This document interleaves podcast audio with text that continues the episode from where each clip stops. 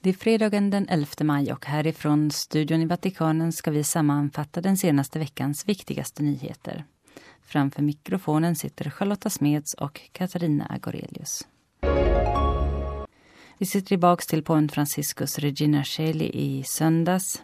Och han utgick från söndagens evangelium ur Johannes evangeliets femtonde kapitel i vilket Jesus säger ”bli kvar i min kärlek”. Påven sa Kristi kärlek är inte en ytlig känsla. Nej, det rör sig om en grundläggande inställning i hjärtat som visar sig i sättet att leva. Kärlek är handling.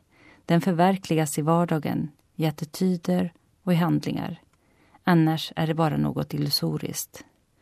Annars är det ord, ord, ord. Och det är inte kärlek. Kärleken är konkret, varje dag. Jesus ber oss att hålla hans bud, som sammanfattas i detta, att älska varandra som jag har älskat er. Kärleken får därför inte bara visa sig i exceptionella stunder, förklarade påven vidare. Den måste uppnå en konstans i vår existens. Vi måste varje dag till exempel skydda de äldre, de sjuka. Livet måste alltid skyddas och alltid älskas, från befruktningen till dess naturliga slut. Detta är kärlek, sa påven. Och när han hälsade på pilgrimer som hade samlats på Petersplatsen för dagens Regina Celli sände påven en speciell hälsning till de nya schweizervakterna och till deras familjer och vänner. På söndagen firade schweizergardet sin dag den 6 maj i åminnelsen av de 147 schweizervakterna som dog under sitt försvar av påven Clemens den sjunde under plundringen av Rom 1527. Påven riktade sina ord till schweizergardets 32 rekryter som på morgonen hade svurit att troget, lojalt och hedersamt tjäna påven Franciscus och hans rättmätiga efterträdare och att vid behov offra sitt liv för att försvara dem. Denna ceremoni äger rum på innergården San Damaso i påvepalatset. För närvarande har schweizergardet 110 vakter men man har beslutat att utöka kåren till 135. Så under de närmaste månaderna så söker man nya ambitiösa rekryter. Påven Franciscus har skrivit förordet till den andra volymen av utvalda texter av Josef Ratzinger, påven emeritus Benedictus XVI, om tro och politik. Titeln är Frigör friheten.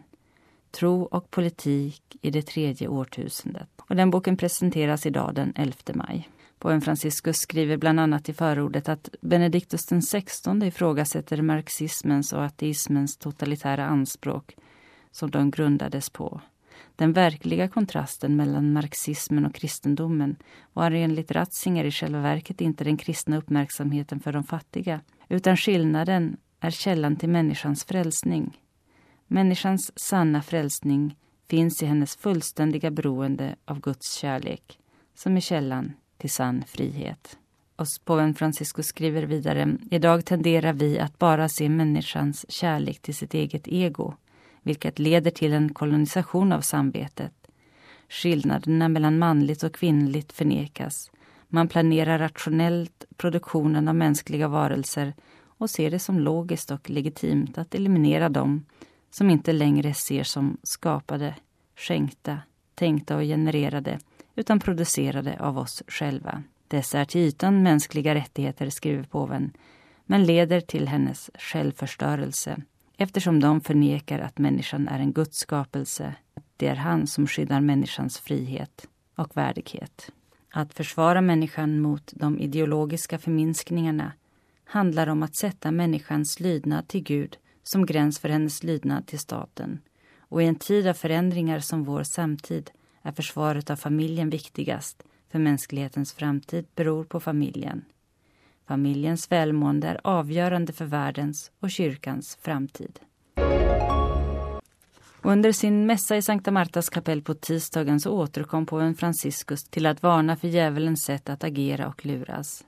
Han har besegrats, men är fortfarande farlig, sa påven och förklarade hur man ska slåss mot honom och övervinna hans frestelser. Det är svårt att övertygas om att djävulen har förlorat, för han är en förförare. Han vet vilka ord han ska använda och vi tycker om att bli förförda, förklarade påven. Jägaren varnar för att närma sig krokodiler som är döende eftersom de med ett stjärtslag fortfarande kan döda. På samma vis är djävulen väldigt farlig. Han presenterar sig med all sin makt, som är lögner, men som vi dårar tror på. Djävulen, den stora lögnaren, lögnens fader, är vältalig. Han luras genom ljuv sång. Han är en förlorare, men rör sig som en vinnare. Hans ljus är bländande som ett fyrverkeri, men det varar inte, det bleknar, medan Herrens ljus är milt men permanent. Djävulen kan förföra oss, fortsätter påven, för han vet hur han ska komma åt vår fåfänga, vår nyfikenhet, hur han ska få oss att falla pladask för frestelsen. Det är därför han är en farlig förlorare, som vi måste vara vaksamma mot. Och det är viktigt att inte komma för nära, eftersom djävulen är som en galen fastkedjad hund, arg, som biter om du närmar dig för att klappa den. Gå aldrig nära, lämna honom där fastkedjad. Och slutligen varnade påven för att diskutera med djävulen, som Eva gjorde. Hon trodde att hon var en stor teolog och föll. Jesus gör inte det. I öknen svarar han med Guds ord. Med djävulen ska du inte konversera, för han vinner över oss. Han är smartare än oss.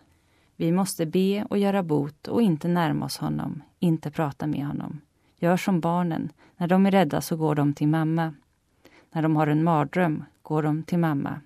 Går till Guds moder. Hon vakar över oss. I tider av andlig turbulens, ta då din tillflykt under Maria, Guds moders mantel.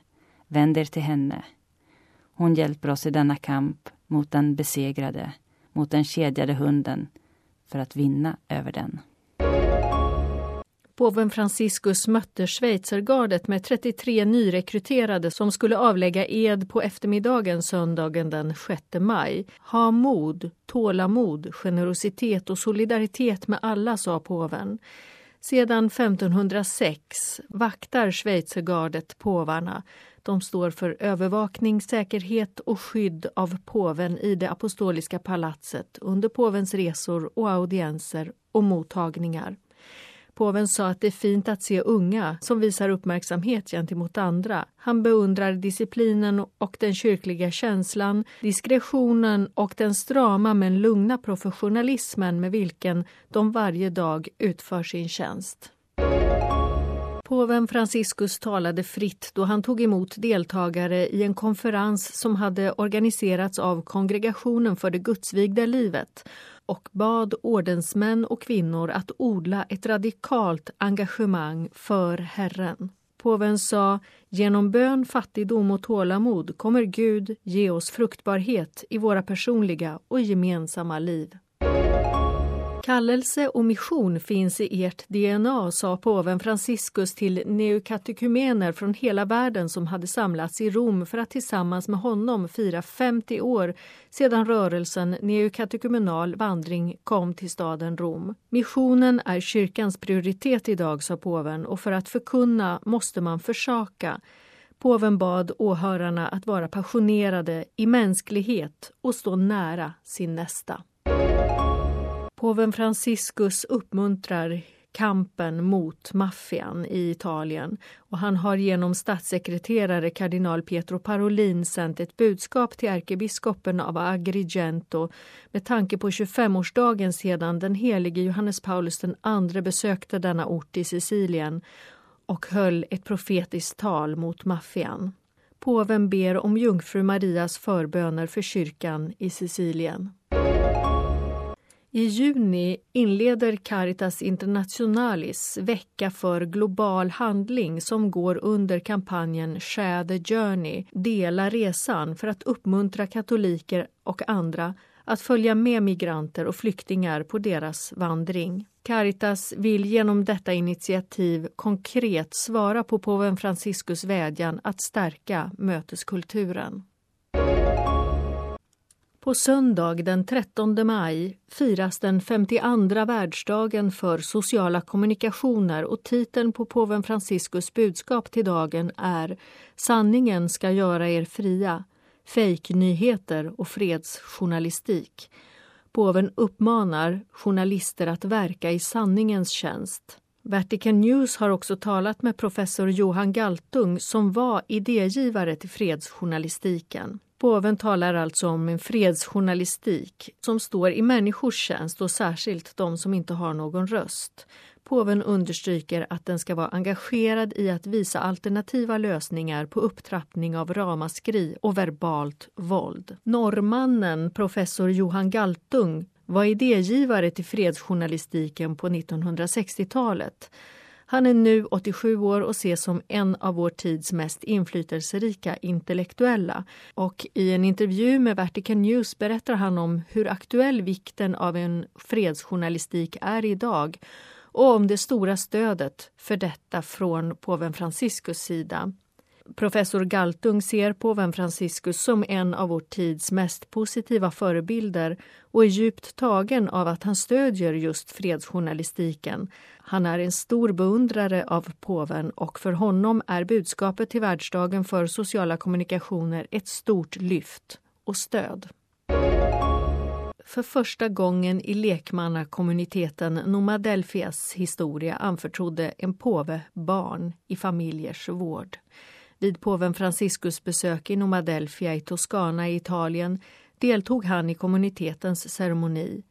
Att ta emot föräldralösa barn handlar för kommuniteten om en kärlek som inte längre är bunden till biologiskt släktskap utan en övernaturlig kärlek som kommer från Gud. Den apostoliske administratorn i Mogadishu, monsignor Giorgio Bertin, berättar att det efter en hård torka i Somalia i tre år regnar varje dag sedan slutet av mars. Översvämningarna skördar liv och jordbruksmarker förstörs. Den lokala kyrkan sänder genom bland andra organisationer Caritas Somalia livsmedel till folken i de drabbade områdena. Monsignor Bertin säger att landet måste på nytt födas. Och på torsdagen igår så gjorde påven Franciscus en dagsresa i Toscana. Han besökte två lekmannarörelser som har valt att leva i kommunitetsliv i Nomadelfia och Lopiano. Nomadelfia är en kommunitet som sedan dess start 1947 verkar på en plats i Maremma strax norr om Grosseto med samma namn. Kommuniteten grundades av den italienska prästen Don Zeno Saltini år 1947 strax efter andra världskriget som piccoli apostoli med tanken på att gifta par skulle ta emot föräldralösa barn som sina. Kommuniteten tog senare namnet Nomadelfia. Nomadelfia är en profetisk verklighet som vill visa på en ny civilisation, sa påven när han talade till dem under sitt besök och visa på evangeliet som en form för ett gott och vackert liv. Nomadelfia bygger på en lag, broderskap, och Don Zeno ville att gemenskapens liv skulle finna sin modell i apostlagärningarna. Från första början fokuserade man på att ta emot föräldralösa eller på annat vis utsatta barn. Nomadelfia utvecklade ett nätverk av familjer som samverkar och ser sitt band i släktskapet med Jesus. Dessa särskilda blodsband ska vara synliga i de ömsesidiga relationerna. Mer regler än så finns egentligen inte. Don Zeno ville ha en enkel struktur. I en värld som ibland är fientlig mot de ideal som Kristus predikar tvekar man inte att svara genom att vara glada och fridfulla vittnen, inspirerade av evangeliet. Och efter mötet med Don Madelfia så reste påven Franciscus vidare till Focolare-rörelsen i Lopiano. Han tog avsked av vad han sa var en stor familj med evangeliets rena smak. Klockan 10 på förmiddagen så anlände påven med helikopter alltså till Lopiano. Han började med att be i Maria Theotokos sanktuariet. Och efter det så talade han inför den stora kommuniteten där. Cirka 6 000 personer tog emot påven tillsammans med deras ordförande Maria Voce. Att ge ett permanent vittnesbörd om en samexistens som kännetecknas av Jesu bud, älska varandra som jag har älskat er, med detta mål föddes år 1964 det internationella centret för focolare i Lopiano, cirka 20 kilometer från Florens. Påven sa att Chiara Lubic, som grundade focolare alltid har velat se dessa små städer, laboratorier av mänsklig samexistens som skisser på en enad värld, ett vittnesbörd om hur samhället kan se ut om det baseras på evangeliets gemensamma kärlek. Det är det Lopiano vill visa världen. Mötet i Lopiano präglades av ett samtal med vittnesbörd, frågor och svar mellan påven och kommuniteten. Den första frågan till påven berörde hur focolare ska leva det nya skedet i sin vandring då rörelsen står inför tidens förändringar. Påven uppmanade som svar på denna första fråga till två nyckelord som han hämtade i Hebreerbrevets tionde kapitel. Frimodighet och uthållighet. Påven berättade om en präst som hade frågat honom vad är motsatsen till jag? Det är jag vi måste motarbeta. Påven sa att han hade svarat du. Men prästen hade rättat honom och sagt nej, motsatsen till jag är vi. Motsatsen till individualismen är vi. Här upplever man vi-andligheten. Det är den andligheten ni måste fortsätta att utöva, sa påven. Den räddar oss från all själviskhet och alla egenintressen. Påven sa att Lopiano ska vara glad över att de på grund av deras öppenhet inte har någon periferi. Sen underströk han att utbildning har tre språk, huvudet, hjärtat och händerna. För i Lopiano finns även många kurser och utbildningsverksamhet. Ibland har vi en ohälsosam idé om begreppet utbildning, sa påven. Att det handlar om att fylla huvudet med saker. Utbildning måste röra vid både huvudet, hjärtat och händerna. Man utbildar sig inte bara för att lära sig saker utan för att tänka gott, känna gott och göra gott. Utbildningen är enheten av dessa tre. Den sista frågan berörde mission och påven sa att man måste kombinera trohet med kreativitet. Vi måste låta den helige Ande leda oss, inte vårt sunda förnuft eller våra pragmatiska förmågor och begränsade synsätt. Apostlagärningarna är fulla av denna kreativa trohet. Avslutningsvis påminde påven populärrörelsen om att den 21 november 1964 så proklamerade Paulus VI Maria kyrkans moder och att han själv i år har etablerat detta liturgiskt den 21 maj, måndagen efter pingstdagen. Maria är Jesus mor och i honom allas vår mor. Hon är enhetens moder. Hon är den trofasta kvinnan, den kreativa kvinnan, den modiga kvinnan, den uthålliga kvinnan, den tålmodiga kvinnan. Se alltid Maria, Jesu första lärjunge. Se hur hon reagerade vid Jesus sida under hans liv. Det hjälper. Avslutade påven sitt långa tal till Focolare-rörelsen i Lopiano. Den vietnamesiska biskopskonferensen meddelar att den 19 juni inleds ett speciellt jubileum för 30-årsminnet av kanoniseringen av de 117 vietnamesiska martyrerna. Firandet kommer att pågå till den 24 november som är festdagen för dessa martyrer. Den egyptiska regeringen har redan regulariserat 215 kyrkor med tillhörande byggnader som hade uppförts innan den nya lagen om kristna kultplatser trädde i kraft. De närmaste månaderna kommer antalet regulariserade kyrkor att öka för ytterligare drygt 3 000 kristna kultplatser ska granskas av regeringsmyndigheterna för att kontrollera om de motsvarar kriterierna i den nya lagen. Drygt 200 barnsoldater, av vilka 95 flickor, frisläpptes den 28 april i Jambio, huvudstad i den sydsudanska staten Gubdoe. Det är den andra gången som barnsoldater befrias i denna stat. Några av barnen berättar att de har varit involverade i kriminella aktiviteter medan de var i skogen. Biskoparna i östra Afrika framhåller att guvernören i Gubdoe är starkt engagerad med att verka för fred och stabilitet i staten.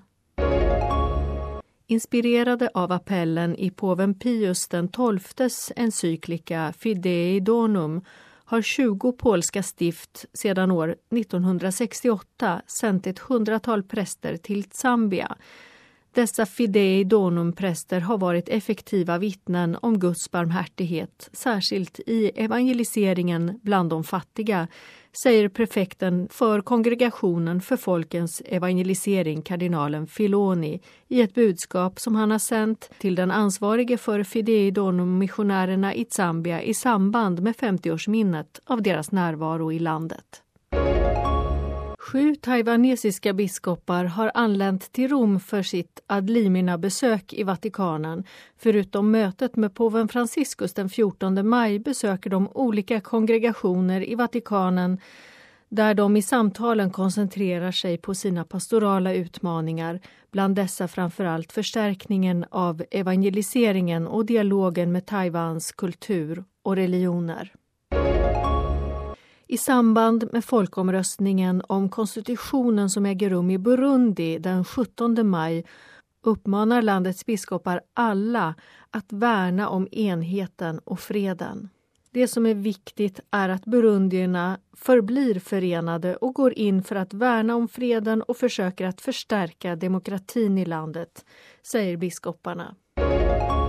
Syster Anita Mariam Masing, så heter den första nunnan av Kashi Koli-stammen i Pakistan som häromdagen avlade sina ordenslöften i kulturcentret Jyoti i Hyderabad. Biskopen av Hyderabad, monsignor Shukardin, säger att det är ett ögonblick av stor glädje att se en katolsk nunna av Kashi Koli-stammen.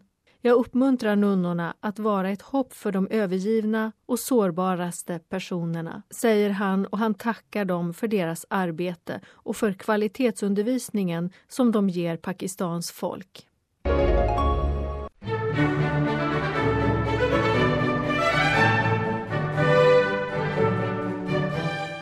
Vi har Sveriges ambassadör i Italien, Robert Rydberg, med oss i studion i Vatikanen. Välkommen! Tack så mycket!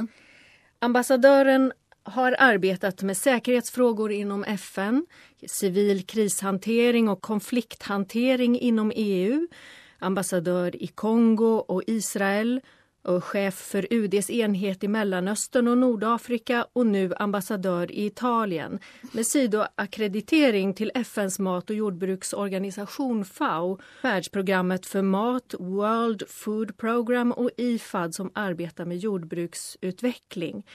De här områdena är ju mer än någonsin aktuella i världen idag med migration, säkerhet, konfliktområden och i kampen mot svält i världen och som katolska kyrkan med påven Franciscus i spetsen talar om och arbetar för att lösa dagligen.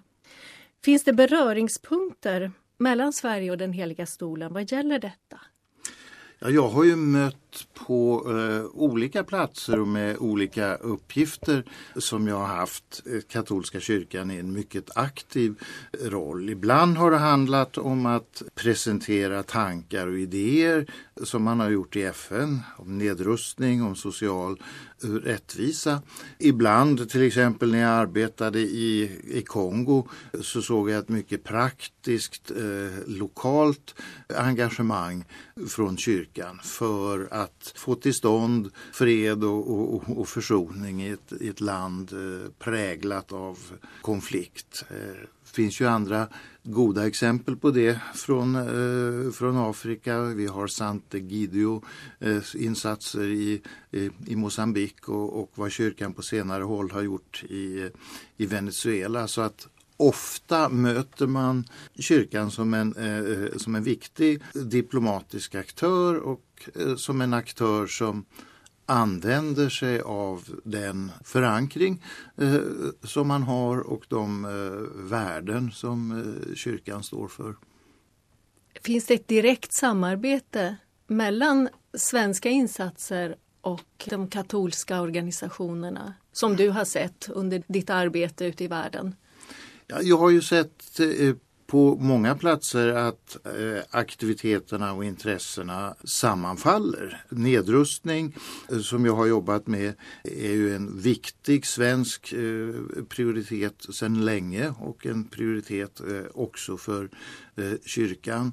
Social ekonomisk rättvisa, bekämpande av, av fattigdom, bekämpande av hunger som naturligtvis är den centrala uppgiften för Eh, livsmedelsorganisationerna eh, här i Rom. Allt det är ju eh, frågor där det finns mycket starka beröringspunkter mellan vad Sverige gör och vad, vad jag har sett att kyrkan gör. Mm.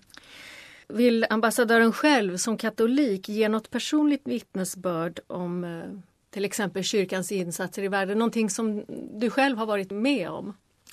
Jag har slagits på en plats som Kongo som jag arbetade i.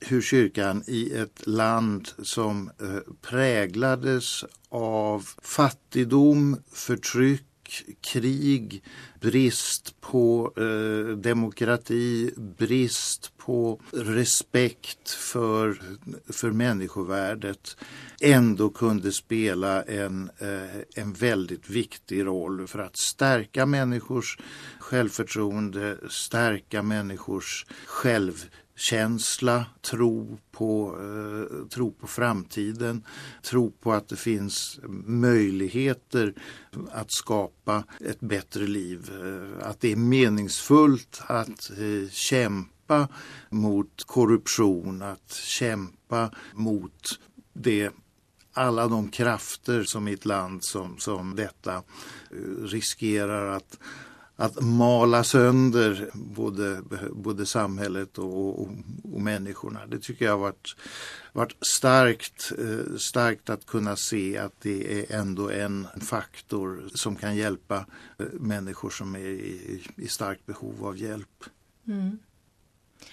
Och här i Italien finns en stor närhet till katolska kyrkan och nu som ambassadör i Italien, hur ser du på livet i Italien och, och, den katolska kyrkans närvaro? Ja, det är spännande att se hur viktig kyrkan är i eh, Italien. Hur kyrkans perspektiv eh, ändå är, eh, är centralt eh, när man diskuterar till exempel flykting och migrationskrisen här i Italien eller man, när man diskuterar existentiella frågor om, om, om, om livet och om döden och så vidare. Det perspektivet är hela tiden närvarande här i Italien mycket mer än, eh, tror jag också i, i flertalet andra eh, katolska länder i, eh, i Europa, för att inte tala om i Sverige. Sen är det naturligtvis också fascinerande att se hur påven är närvarande här i, i nyheterna, i livet. Och det är en eh, personlig glädje förstås att när andan faller på eh, kunna promenera till eh, Peterskyrkan och höra honom vid Angelus eh, söndag klockan 12 eh, när jag vill och kan. Tillsammans med hundratusentals andra pilgrimer från Rom och från, från hela, hela, världen. världen. ja. Och eh, ganska många svenskar också.